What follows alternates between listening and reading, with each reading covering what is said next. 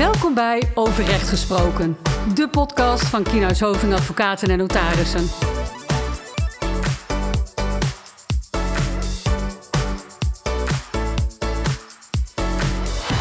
Vincent de Groot. Tom Profet. Wij zouden al enige tijd onze podcastserie over het ontslag op staande voet verder inhoud geven. Ja, we hadden met veel bombarie op, eh, op 12 april, geloof ik, eh, een serie aangekondigd over het ontslag op staande voet. En vervolgens is het nu is het juli al. En gaan we nu pas weer verder. Hoe kan dat? 12 april? Ja, 12 april geloof ik. Het was in ieder geval nog in de tijd van de avondklok. Ja, oh ja, dat was de woensdagavond. Ja, Memorabele avond. net zo. Jij was volgens mij net voor, voordat de avondklok ging, was jij binnen weer. Ja, 1 voor 10 denk ik. Ja, Ehm, ja, maar goed. Ja, nee, maar goed, er zijn wat aantal dingen gebeurd uiteraard eh, tussendoor. Eh, minder leuke dingen, maar ook hele mooie dingen. Waaronder de geboorte van mijn dochter. Eh, en dat heeft natuurlijk even wat, nou ja, is er tijd overheen gegaan. En nu zitten we weer in het pand van Kienes Hoving voor de podcast, voor het vervolg van de serie over het ontslag op staande voet. Ja, leuk. En dan gaan we het dus vandaag ook eh, daarover hebben. En dan met name over de dringende reden. Hè? Ja, maar misschien is het goed dat we even teruggaan naar die podcast die we hebben opgenomen op 12 april. Of althans, eh, het was niet 12 april. Ja, we hebben niet 12 april opgenomen, maar wel gepubliceerd. volgens mij. Ja, zo is het. 12 april gepubliceerd, precies. Eh, dat we even teruggaan naar wat we toen ook alweer gedaan hebben. Want ehm, we hebben toen twee uitspraken behandeld over het ontslag op staande voet als een soort algemene inleiding. Ehm, die voor mij ging over een vrachtwagenchauffeur die gereedschap meenam. eh, zonder daarvoor toestemming te hebben eh, ontvangen. Ja, en die van mij ging toen over een, eh, een monteur. En toen had zijn vriendin had, zijn baas onder andere lelijke dikke kabouter genoemd, geloof ik. Ja, waarvan we constateren dat dat feitelijk wel juist zou, Zou kunnen, zijn, maar niet heel chic. Nee. Maar, Maar ook goed. geen reden voor een ontslag. Nee, dat was geen ontslag op staande voet. Hè? En, Oké. En toen hebben we gezegd, nou, dat ontslag op staande voet is, is best wel, toch nog best wel veel voorkomend. Eh, in ieder geval in mijn praktijk. Ehm, eh, en ja, hoe moet je dat nou zien? Hè? Hoe kunnen we dat nou behapbaar maken voor jou als luisteraar? Het hebben we gezegd, nou weet je, we knippen hem op in een serie. En we gaan hem onderverdelen in, laten we eerst eens kijken naar wat levert nu zoal een reden op voor een ontslag op staande voet. Hè? Oftewel, wat is een dringende reden? Eh, want zo staat het in de wet, hè? dringende reden. Ja. Ehm, en dan gaan we het hebben over, oké, zijn er dan nog andere voorwaarden die gelden bij ontslag op staande voet? Bijvoorbeeld, En dan heb je de onverweldheid, hè? dus dat je, het, dat je het wel snel moet doen. Het is natuurlijk wel een zwaar middel, dus het is niet zo dat je dat heel lang boven de markt kunt laten hangen. Precies. Maar dan moet je wel eh, ook echt doorpakken. En als laatste gingen we dan nog een podcast opnemen over de gevolgen van zo'n ontslag op staande voet. ja. Hè, nogmaals, ingrijpend middel. Dus wat, wat betekent dat dan vervolgens? En niet alleen voor de werknemer uiteraard de gevolgen, maar ook voor de werkgever de gevolgen. Hè? Wat, wat kan je daar nou op basis van de ontslag op staande voet... eh, nou ja, wat gebeurt er dan? Hè? Wat zijn de consequenties? Ja. Maar vandaag niet. Vandaag de dringende reden. Hè? Wat levert er nu zoal een ontslag op staande voet op? En we wilden eigenlijk weer beginnen met twee uitspraken. Ja. Eh, om ook een tegenstelling te laten zien. In dat twee totaal verschillende zaken kunnen leiden tot een ontslag op staande voet. Ja, jij noemt dat een tegenstelling. Ik vind het wel mooi, ook wel weer een mooie aanvulling op elkaar. Dus we hebben, we hebben een duidelijke eh, kwestie eigenlijk gepakt. Hè? Die ga jij nu bespreken. Ja. En hebben we daarna een zaak waarvan je misschien zou kunnen denken... ja, is dit nou een ontslag op staande voet? En dan zie je dus dat dat... Ik zal het vast verklappen, hè? Dus eh, dat dat toch ook goed gaat. Ja, oeh ja. Ja. Ja, spoiler. Ja. Ja, we hadden even een spoiler moeten doen. dus we kunnen... Gaan we nog door? Of eh, vinden gaan we- gewoon door. vinden- we het nog nuttig? Nee, oké. kan prima. Ehm, ja, nou, dus ik, ik ga sowieso eerst die voor mij dan eh, behandelen. eh, die wat, nou ja, misschien wat meer tot de verbeelding spreekt. In die zin dat, dat die wat herkenbaarder is als ontslag op staande voetzaak. Dat is een uitspraak van de rechtbank Rotterdam van 7 mei eh, van dit jaar, 2021. En het gaat eigenlijk over het volgende. Er is een eh, meneer die is in dienst bij Ant- Antes. En Antes is een instelling voor geestelijke gezondheids- en, ver- en verslavingszorg. Dus eh, daar wordt met kwetsbare mensen gewerkt. En deze meneer die is daar al vanaf 2005 in dienst. Al echt wel enige tijd. En hij is verpleegkundige 1. En in het kader van zijn functie, ja, nou goed, helpt hij de mensen die daar zijn opgenomen in die instelling. En hij verpleegt ze en ondersteunt ze waar mogelijk. En op de afdeling waar hij werkt, daar verblijven patiënten met een zogenaamde dubbele diagnose. En die dubbele diagnose die bestaat eruit dat er psychiatrische problemen zijn en ook verslavingsproblemen. Hè, dus best wel Best wel kwetsbare mensen. Echt kwetsbare mensen die afhankelijk zijn, die gevoelig zijn ook voor afhankelijkheid. Eh, nou, je kunt je voorstellen in zo'n setting waarbij een verpleegkundige en een patiënt eh, eh, opereren, dat daar wel bepaalde regels gelden. Hè? Met name ook regels worden opgelegd door de organisatie. Over hoe dan die eh, verpleegkundige zich moet gedragen tegen die en je tegenover die patiënt. Precies, hè? Ja. Je, je ligt in die zin nou ja, onder een vergrootglas. En uiteraard gelden er binnen Antes ook van die regels. Ze hebben bijvoorbeeld een beroepscode. En in die beroepscode staat, joh, let op. Als jij verpleegkundige bent of verzorgende bent, dan neem je altijd jouw relatie met je zorgvrager. In die relatie neem je altijd de professionele grenzen in acht. Je gaat geen intieme of seksuele relaties aan met de zorgvrager. Dat is absoluut niet toegestaan. En ze hebben ook nog een gedragscode waarin staat, let op, eh, wij hebben geen persoonlijke relatie met patiënten met wie wij in het kader van ons werk te maken hebben, nog gedragen wij ons seksueel uitnodigend of intimiderend. En daarin is ook nog opgenomen dat behandelaars tot tenminste twee jaar na de beëindiging van de patiëntrelatie geen persoonlijke relatie met een patiënt mogen aangaan.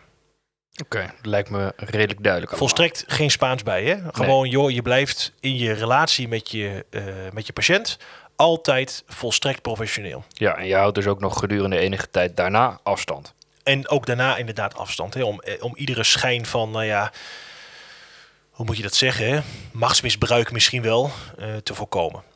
Nou, en dan hebben ze ook nog een e-gedragscode. Hoe ga je om met computergebruik, e-mailgebruik? En daar staat, je mag geen expliciet materiaal op je computers bewaren. Nee, want al die werknemers hadden een persoonlijke schijf ook, hè, Ja. geloof ik. Ja, allemaal Dus daar mag je dan niet iets opzetten Nee. wat eh, seksueel expliciet is. Precies, geen pornografisch, racistisch, discriminerend, beledigend of aanstootgevend materiaal mag je niet bekijken, downloaden of verspreiden. Nou, volstrekt duidelijk, die, die gedragscodes die, die zijn wijdverspreid. Natuurlijk uiteraard niet alleen in de zorg, maar ook in gewone instellingen gebeurt dat. eh nou ja, zijn dit soort voorschriften aan de orde van de dag.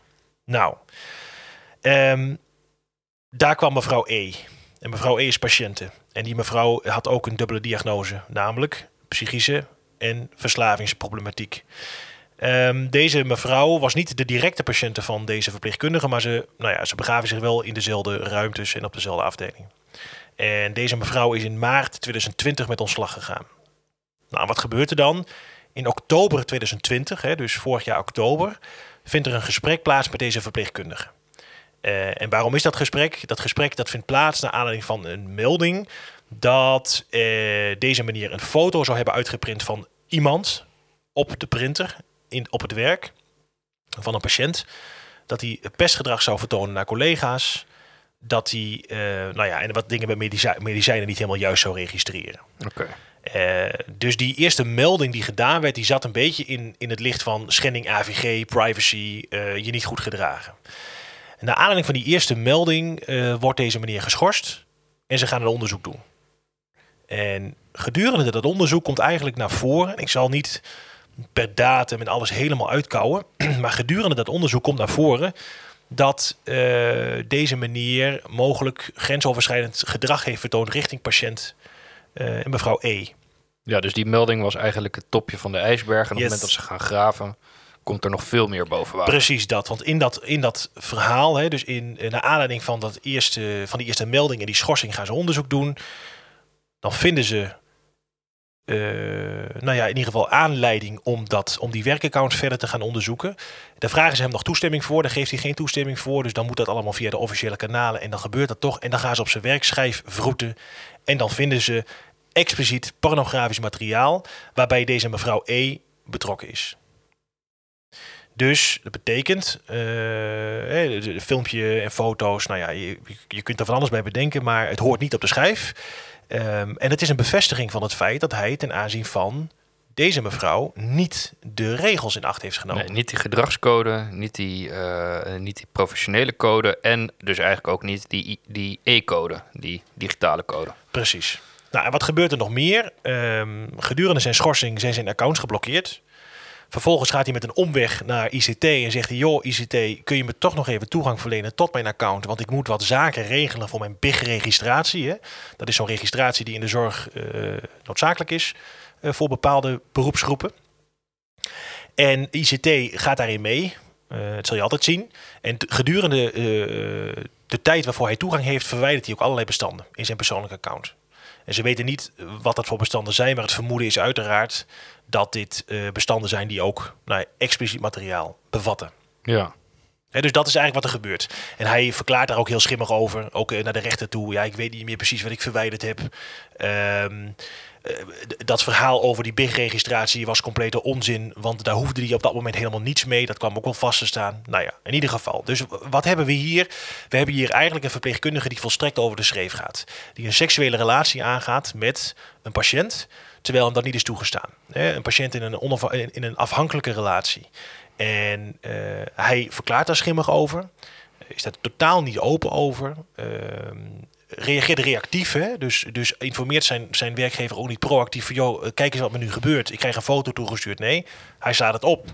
Wordt hij erop aangesproken, verzint hij er verhaal bij. En Antes die zegt, ja, wacht eens even. Ehm, ik vind het allemaal best. Dit is voor ons absoluut de reden om jou op staande voet te ontslaan. Ja, het houdt hierop. Het houdt hierop. Dat gebeurt op 17 november. Daar zit een flink tijdsbestek tussen. Maar goed, over die onverweldheid komen we in een andere podcast te spreken. Eh, dat gaat hier goed. Eh, want het onderzoek is zorgvuldig geweest, nou, et cetera. Maar eh, deze meneer is het er niet mee eens. Dus die, gaat, nou ja, die, die vraagt vernietiging van het ontslag op staande voet. En die vraagt, als dat niet lukt, om een billijke vergoeding. Ja. Dus die, die zegt van ja, joh, dit, is, dit kan me niet worden verweten. Nou, ik zal niet.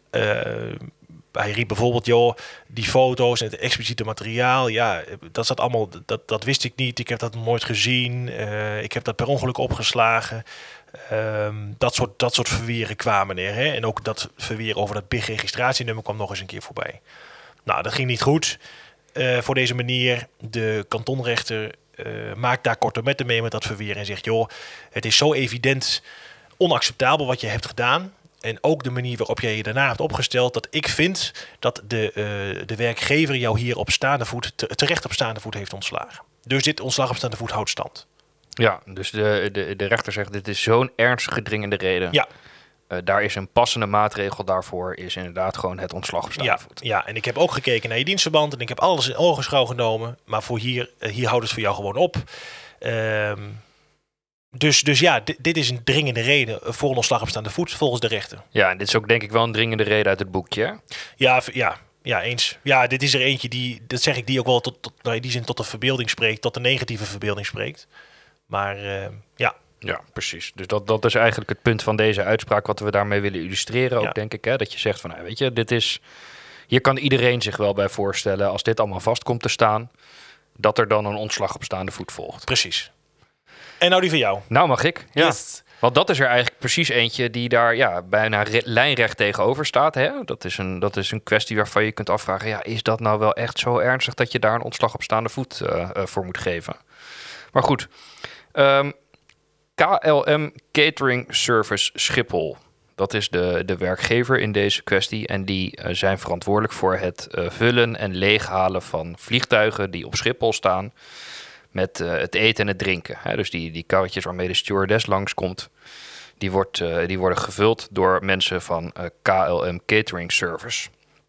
Nou, en in dat kader komen natuurlijk, hè, worden er, komen er heel veel vliegtuigen op een dag komen er aan op Schiphol. Die worden allemaal leeggehaald. Lang niet alles wat er uit dat vliegtuig komt is ook op. Hè? Dus er zijn soms flesjes, nou, in dit geval een flesje water wat uit een vliegtuig komt. En eh, nou ja, dat wordt dan vervolgens normaal gesproken wordt dat weggegooid. Nou, KLM Catering Services die heeft daar dus een bepaald beleid voor en een vrij duidelijk beleid ook. Zij zeggen namelijk, alles wat er uit dat vliegtuig komt, daar blijf je als werknemer blijf je daar vanaf. Althans, je mag het eruit halen, je brengt het naar de plek waar het naartoe moet, maar niks daarvan mag jij eh, jezelf toe-eigenen. Eh, dus geen nootjes die overblijven, geen flesje water mee naar huis nemen, helemaal niks. Wat, dat- op zich, wat op zich genomen. De verleiding is vaak groot, hè, denk ik. Je ziet het ook in de supermarkt gebeuren, of, of, of weet ik veel waar. Hè. Even proeven, even een broodje, even een appeltje, nou ja, dat soort dingen. Hè. Dus het is makkelijk voor het pakken, hè, ook als je weet dat het weggaat. Klopt, precies. Dus dat is wel even misschien ook eh, goed om te onthouden. Eh, het wordt dus normaal gesproken weggegooid. Vernietigd, ja. Maar zij maken daar, ze hebben daar een streng beleid op. Dat staat in een, ook weer in een gedragscode. Hè? Daar wordt deze werknemer waar het hier om gaat, die wordt daar in 2015 al een keer op gewezen ook dat, dat, dat die gedragscode er is. Dat is in een algemene mail naar iedereen. Eh, voor het begin van een dienst hebben ze vaak een roll call, zoals ze dat noemen. En eh, dan worden ze er ook nog weer eens een keer op gewezen. In 2019 krijgen, krijgen alle werknemers van, van KLM Catering Services... die krijgen eh, een dopper. En die dopper die kunnen ze dan op bepaalde centrale tappunten... daar hebben ze dan watertaps geïnstalleerd... kunnen ze die dopper vullen... en daarmee kunnen ze dan tijdens hun dienst... altijd water bij zich hebben, gewoon kraanwater. Nou, ook in 2019 worden ze, wordt deze meneer en alle andere werknemers nog een keer gewezen op het feit dat die code bestaat, dat er een zero tolerance beleid ook is. Dus dat op het moment dat er een overtreding van eh, die code wordt geconstateerd, dat dat leidt tot een ontslag op staande voet.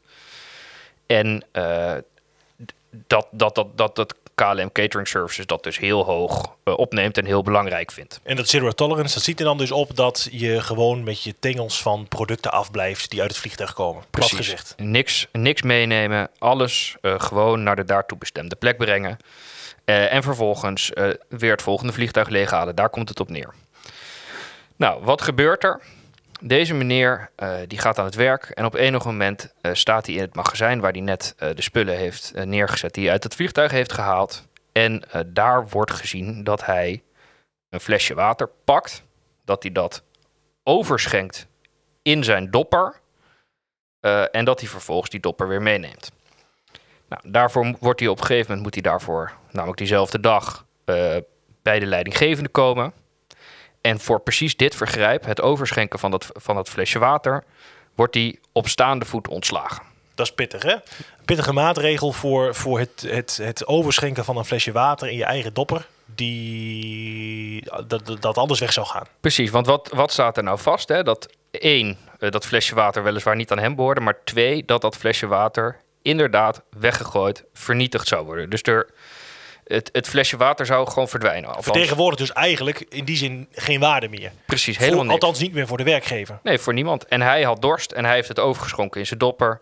eh, maar toch een ontslag op staande voet. Nou, deze uitspraak die is, eh, waar we het nu over hebben, die is van 1 juni van dit jaar, hè, van 2021. We hebben vorig jaar hebben wij al een keer een soort proefpodcast opgenomen. waarbij we deze uitspraak in eerste aanleg al bespraken. Hè, dus Klopt, bij, ja. de, bij de rechter. Precies, die is niet gepubliceerd toen, hè? Eh, Nee, ik. volgens mij niet. Volgens mij hebben we dat gewoon... eh, dat, dat, dat, ja, dat kan ik me nog herinneren. Ja? Ja, ja, zeker. Nou ja, goed, toen hebben we hem ook al een keer besproken. Maar dus toen vond de rechtbank al, hè, de kantonrechter vond al dat het ontslag op staande voet terecht gegeven was. En nu vindt ook het Hof weer dat in deze situatie het ontslag op staande voet terecht gegeven is. Dus met andere woorden, hè, we hadden net een hele duidelijke kwestie waarbij je zegt, nou, seksueel grensoverschrijdend gedrag, eh, als dat eenmaal vast komt staan, dan snappen we dat dat leidt tot een ontslag op staande voet. Maar nu hebben we dus een kwestie waarbij je dus zegt, ja, een flesje water dat weggegooid zou worden, dus waar niemand meer wat aan had, dat heb ik, althans dat heeft die werknemer overgeschonken omdat hij dorst had. En toch is het ontslag op staande voet, tot twee keer toe in ieder geval door een rechter bevonden, terecht gegeven. Het is wel een smiecht, hè? Dat hij het overschenkt in zijn eigen dopper. Ja, hij had natuurlijk wel door dat het niet, eh, Oh, precies. eh, dat Nee. het niet de bedoeling was. Je had ook gewoon uit het flesje water kunnen drinken. Oh ja, dan had je in ieder geval kunnen zeggen, oh ja, god, ja, ik wist eigenlijk niet dat Precies. het niet de bedoeling was. Ja. Heeft dat nog een rol gespeeld of niet? Nou, dat heeft hij kennelijk in hoger beroep heeft hij dat wel aangevoerd. Dat hij, eh, dat hij zegt, ja, ik wist niet, ik was er niet goed op gewezen of wat dan ook. En daarvan heeft het Hof dus ook gezegd, ja, het feit dat jij dus de moeite neemt om het van een flesje water in je dopper over te schenken, dat maakt dit verweer wel wat ongeloofwaardig. Ja, precies. Hoe lang was deze meneer in dienst? Ja, ik heb niet de exacte indiensttredingsdatum, maar een jaar of 15 was het volgens mij in ieder geval wel. Dus wel een behoorlijke tijd al. Ja, behoorlijk lang dienstverband. ja. En zo zie je dus inderdaad dat je op basis van een ogenschijnlijk licht vergrijp... Ja, want bovendien, hè, even nog tussendoor. Deze meneer had verder ook een vrij vlekke- vlekkeloze staat van dienst. Dus Ook dat nog. het was niet zo dat er verder allerlei smetjes op zaten of zo. Nee. One strike and you're out. Ja, En dat, was, eh, en dat wordt gewoon geaccepteerd. Nou ja, die tegenstelling, of ja, jij zei net, het ligt in het verlengde van elkaar. Maar het is, toch, het is toch ook wel mooi om te zien hoe twee zo verschillende kwesties leiden tot dezelfde uitkomst. Namelijk een ontslag op staande voet. Met enorme gevolgen. Nee, dat klopt. Dat klopt. En, en, en de vraag is dan dus een beetje ook, denk ik, hè. Want je ziet dus dat het ontslag op staande voet is eigenlijk heel breed. Ehm althans kan in heel veel verschillende situaties worden ingezet. Maar eh, het feit dat het hier slaagt, dat ligt natuurlijk wel aan iets. Het is niet zo dat je zomaar Nee. ehm, iemand op staande voet kunt ontslaan als hij een flesje water meeneemt. Ik bedoel, we hebben hier bijvoorbeeld in de, eh, in de hal hebben wij ook flesjes water staan. Als ik er daar eentje van pak, eh, dan word ik niet op staande voet ontslagen. Mm, Nee, dat denk ik niet. Nee. Nee. nee, die kans die acht ik niet heel groot. Nee, dus waar zit dat dan in? Nou ja, dat zit hem dus in ieder geval in dit geval voor een deel in het feit dat dat beleid heel duidelijk is. Dat dat beleid ook heel consequent wordt doorgevoerd. Dus dat, en dat het voor eh, KLM Catering Services dus ook gewoon echt van groot belang is. En dat die werknemer dat ook weet. Precies. Dat hij zich hier aan houdt. Precies. Nou, maar dan is het denk ik ook goed om even te gaan kijken... Vooral, hoe moet je nou zo'n dringende reden beoordelen? Want dringende reden, eh, ontslag op staande voet... eh, we, we hebben het niet alleen maar over de zwaarte van het vergrijp. We hebben het niet alleen maar over eh, het feit dat zich heeft voorgedaan. Ik heb iemand geslagen, ik heb eh, expliciet materiaal opgeslagen... ik heb een flesje water meegenomen. Dat op zichzelf genomen, die feiten op zichzelf genomen... eh, die, die zijn niet alleen bepalend voor het oordeel: is iets een ontslag op voet waardig of niet? Eh, en in de rechtspraak wordt daar uiteraard goed naar gekeken. En dan wordt er gezegd: ja, je moet, je moet naar die, die dringende reden kijken door een afweging te maken van heel veel verschillende omstandigheden eigenlijk. Hè. Je moet eerst gaan kijken: van, waar hebben we het nu eigenlijk over? Over welk feit hebben we het nu eigenlijk? Nou, dat is duidelijk. Hè? In dit geval eh, enerzijds, ja, dan moet je het zeggen, misbruik van positie door een seksuele relatie aan te gaan. En anderzijds toe-eigening van water in een flesje. Eh, dus de aard van de dringende reden. Ehm, maar je moet ook verder kijken dan dat. Ja, want die ga je dan vervolgens weer eh, afwegen. Dus je hebt die dringende reden, zoals je zegt. En die ga je dan afwegen en afzetten tegen eh, de, de aard van de dienstbetrekking. Hè? Dus wat voor soort eh, functie vervult deze werknemer. Wij hebben het eigenlijk over, over wie hebben we het, wat doet hij, eh, wat is een positie, et cetera. Ja. Precies, de, de, de, de verdere persoonlijke omstandigheden van die werknemer. Hè? Is, hij, is hij kostwinner? Is hij oud? Is hij jong? Hoe is zijn thuissituatie verder? Hoe lang is het dienstverband geduurd? Hoe lang heeft het dienstverband geduurd inderdaad? Wat heeft hij gedaan tijdens zijn dienstverband? Ja, is die, eh, had hij een vlekkeloos dienstverband of niet? Zijn er al vaker dingen gebeurd die niet door de beugel kunnen? Precies, en die dingen ga je dus afwegen tegen die dringende reden en de ernst daarvan. En dan komt er onderaan de streep komt er uit dat het wel of niet een ontslag op staande voet waard is. Dus je moet altijd het feitencomplex in zijn geheel bekijken. Ja. Als je het over een dringende reden hebt. En daarom is het ook, ik bedoel, cliënten vragen wel eens van, joh, is dit een ontslag op staande voet, ja of nee? Ja, kijk, op basis van een enkel feit kun je dat gewoon niet zeggen. We hebben in de wet een hele opsomming staan hè, van een aantal omstandigheden die op zichzelf genomen een ontslag op staande voet zouden rechtvaardigen. Maar ook daarvoor geldt, je hebt altijd die toets van het geheel. Hè, wat is hier aan de hand? Wie hebben we voor ons? Even een voorbeeld. Hè. Stel je voor dat... ehm, ja, in dit geval was die meneer... eh, nou, die meneer met het waterflesje bijvoorbeeld. Hè. Dat zero tolerance beleid van, van KLM was toch wel heel duidelijk. Eh, maar stel je nou voor dat hij thuis eh, ernstig in de schulden zat. Een vrouw eh, die, ik, ik noem maar wat, eh, meervoudig gehandicapt was... waardoor ze enorme zorg nodig heeft, niet kan werken... Ehm, zou, zou, zou dat nog wat doen met de uitkomst, zeg maar? Ja, dat vind ik eh, in dit geval wel een lastige vraag, omdat namelijk het ook wel echt zo is dat dit echt een zero tolerance beleid is. Hè? En het wordt heel consequent gehandhaafd. Eh, en dat legt in dit geval ook wel heel veel eh, gewicht in die waagschaal. Eh, kijk, je zou je kunnen afvragen, stel dat dat beleid minder duidelijk was geweest. en je hebt die situatie waarin jij, die jij nu net schetst. Ja, dan denk ik dat de, dat de afweging langzamer, langzamerhand wel richting ja, geen ontslag op staande voet dreigt te gaan. Ja, ja. Maar goed, je ziet dus nu al hierin hè, dat je, het, is, het, is, het is een beetje afwegen. Ook nu aan tafel, nu we één feitje veranderen, beginnen we wat een beetje meer te neigen naar geen ontslag op staande Ja, precies. Dus dat, dan zie je ook inderdaad, eh, ja, je gooit alles op de weegschaal. Je kijkt gewoon wat geeft de doorslag. En, ehm, en, en nou ja, goed, een aantal dingen die we daaruit willen belichten in ieder geval ook is... Als je als ondernemer of als werkgever te maken hebt met een situatie waarin je denkt... Goh, eigenlijk wil ik direct van mijn werknemer af. Ik, wil, ik, ik vind dit zo onacceptabel wat hier gebeurd is. Eh, hij moet eruit. Dat je dan wel altijd in een breed perspectief gaat beoordelen... Goh, wat speelt hier allemaal? Hè, hoe ziet zijn thuissituatie eruit? Eh, hoe heeft hij verder gepresteerd? Gun jezelf ook even de tijd zeg maar, om dat goed in kaart te brengen. Ja, met als Niet te veel tijd. kleine disclaimer naar de Ja, volgende aflevering nee. wel. Niet te veel tijd. Nee, precies. Je moet er geen dag over nadenken. Dat hoeft denk ik ook niet, of twee dagen, over dat soort dingen. Dat kun je denk ik vrij goed inschatten. Ehm, Maar neem het wel even in oogschouw. Doe, doe één stap terug. ja, Kijk naar het feit, maar kijk ook naar al het andere wat hier mee zou kunnen spelen, zoals die persoonlijke omstandigheden, zoals die, die duur van die dienstbetrekking, zoals hoe die toen heeft gefunctioneerd, zoals ook de aard van de dienstbetrekking, hè, dus welke functie heeft hij, welke verantwoordelijkheid mag je daarin bij iemand neerleggen.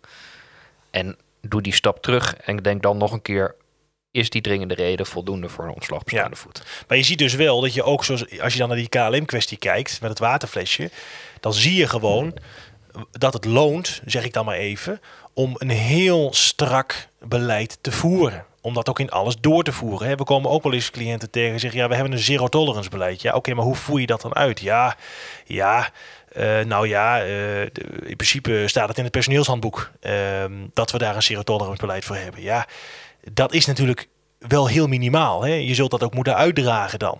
Uh, je ja. zult ook mensen ervan op de hoogte moeten brengen. En, en je moet blijven brengen. Hè? En consequent zijn. Ja. En consequent zijn. Niet de ene keer zeggen, nou bij jou niet en bij jou wel. Hè? Dat is wat KLM hier ook goed deed.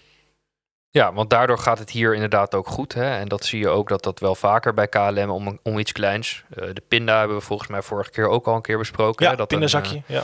Uh, dat, zo, dat een schoonmaker in het vliegtuig een, een pinda uit een zakje had gepakt en ook op staande voet werd ontslagen. Hetzelfde geval eigenlijk, hè? een open zakje pinda was het volgens mij ook nog. Hè? Ja, was al geopend, ja. Geopend zakje pinda's en dan ook daar iets uitsnacken.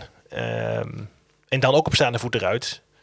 En dat wordt er ook gewoon geaccepteerd. Ja, door dus, de rechter. Dus, dus dat is de tweede les. Hè. Naast de eerste les, doe die stap terug. En kijk nog een keer, is volgens mij de tweede tip.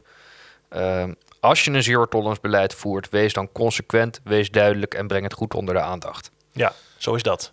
En het komt gewoon ook heel nauw ook. En, en dat is misschien ook het verlengde van dit, van dit verhaal. Als je dan vervolgens overgaat tot het geven van een ontslag op staande voet, dan moet je dus ook heel goed laten zien. Uh, in wat je uitdraagt ook naar die werknemer toe, dat je dit hele feitencomplex, dat je dit complex van, van feiten ook hebt afgewogen. Hè? Dat je ook gezien hebt dat hij lang in dienst was, bijvoorbeeld. Dat je ook gezien hebt wat zijn persoonlijke omstandigheden waren zodat je daar later ook, als daar een discussie over ontstaat, kunt zeggen: ja, joh, maar ik heb dat allemaal in mijn afweging betrokken. En ik vind toch, ondanks deze feiten en omstandigheden, dat een ontslag op staande voet gerechtvaardigd is. He, dat is denk ik ook goed om, uh, om te doen. Dus ook in de communicatie daarna, naar de werknemer toe, is het heel erg belangrijk dat je daarin, nou, dat je hier blijk van geeft. Ja, dat je het goed uitlegt. Ja. Dat je het goed uitlegt. Ja. ja. Eens. Dat is hem volgens mij. Hè? Volgens mij zijn dat. Tenminste, uh, ik denk dat dit wel zo'n beetje de kern is van, van wanneer is er sprake van een, uh, een dringende reden. Ja. En dan is, de, dan is de conclusie dus, zoals die zo vaak is, dat hangt af van de omstandigheden van het geval. En daar hebben wij, uh, daar, daar heb je als luisteraar en als ondernemer of een ontzettende hekel aan uiteraard. Van ja, ik wil gewoon weten waar ik aan toe ben. Maar in het geval van de dringende reden is dat gewoon echt afhankelijk van de omstandigheden van het geval. Eens, dat lijkt me, een, uh, lijkt me een mooie afsluiting voor deze. Voor deze inderdaad, ja. En dan komt er dus nog een aflevering over de onverweldheid. Dat zal de volgende zijn. Ja, dus, dus uh, naast het feit dat er sprake moet zijn van een dringende reden... moet je ook gewoon heel snel te werk gaan. Nou, hoe snel is dat dan precies? Hè? Uh, mag je onderzoek doen of niet? Nou, dat zijn vragen die wij graag nog willen behandelen in een volgende podcast. Ja, en dan sluiten we af met een aflevering over de gevolgen van het ontslag op staande voet. Ja, wat betekent het ontslag op staande voet voor de werkgever en voor de werknemer? Ja, check. En moeten we dan ook nog vertellen dat als mensen een onderwerp uh, insturen voor een podcast, dat ze dan ook weer een mok kunnen winnen? Want Uiteraard. we hebben inmiddels de eerste mok hebben we. Twee mokken hebben we weggegeven. Die zijn, die zijn, al, die zijn al op de post. Dus, Ja. dus, de, dus de oproep is eigenlijk: hè, stuur een mail naar podcast.kienhuishoving.nl of eh, via Instagram, het over recht gesproken, of nou, via de LinkedIn van een van de, van de sprekers. Hè, draag een onderwerp aan. En wie weet krijg je dan een mok. Zo is het. En gaan wij er weer een aflevering over opnemen. Het is een mooie mok hoor. Ik bedoel, hij drinkt lekker. Uh, er zit een groot handvat aan. Ik moet zeggen, ik heb vrij grote handen, maar uh, nou, hij, hij, drinkt, hij drinkt lekker weg, zou ik haast willen zeggen. Ja, het is een topmok. Het is een topmok. Ja. En, en ik, ik denk ook dat het, uh, dat het goed is om, om eens een keer naar, nog naar andere merchandise te kijken. Volgens mij. Petjes. Petjes. Heb jij al de over recht gesproken tattoo dan? Nee, nee, nee, nee, nee, nee, daar ben ik nog niet in dat stadium. Oké. Nee. nee, dat komt nog. Nee, maar we zouden het ook heel erg leuk vinden als je als luisteraar een review achterlaat. Want uh, dat maakt uh, de podcast beter. Als wij feedback krijgen over hoe het gaat. Dat kan uiteraard via de bekende Spotify, uh, Apple of Google podcast kanalen. Um, dat mag ook altijd door een sturen van een e-mail. Precies, als je geen zin hebt dat iedereen het kan lezen, mag je ons ook gewoon inderdaad weer op podcast.kienhuishoving.nl een e-mail sturen met op- en aanmerkingen. Zo is dat. Nou, zullen we het hierbij laten dan voor vandaag? Let's do that. Dank. Ik wens jullie allen een bijzonder fijn weekend, want het is op dit moment vrijdag. Kwart over één. Mooi man. Mooie etappe van de Tour de France vandaag. Ga je nog fietsen kijken, denk je, of niet? Eh, misschien een klein stukje. De finish. Ja, even de finish. Mooi. Tot een volgende keer, tot een volgende podcast. Dit was Overrecht Gesproken, de podcast van Kienhuis Hoving. Heb je vragen of wil je meer informatie? Stuur dan een e-mail naar podcast.kienhuishoving.nl Wil je niets missen? Abonneer je dan op onze podcast via jouw favoriete podcast-app.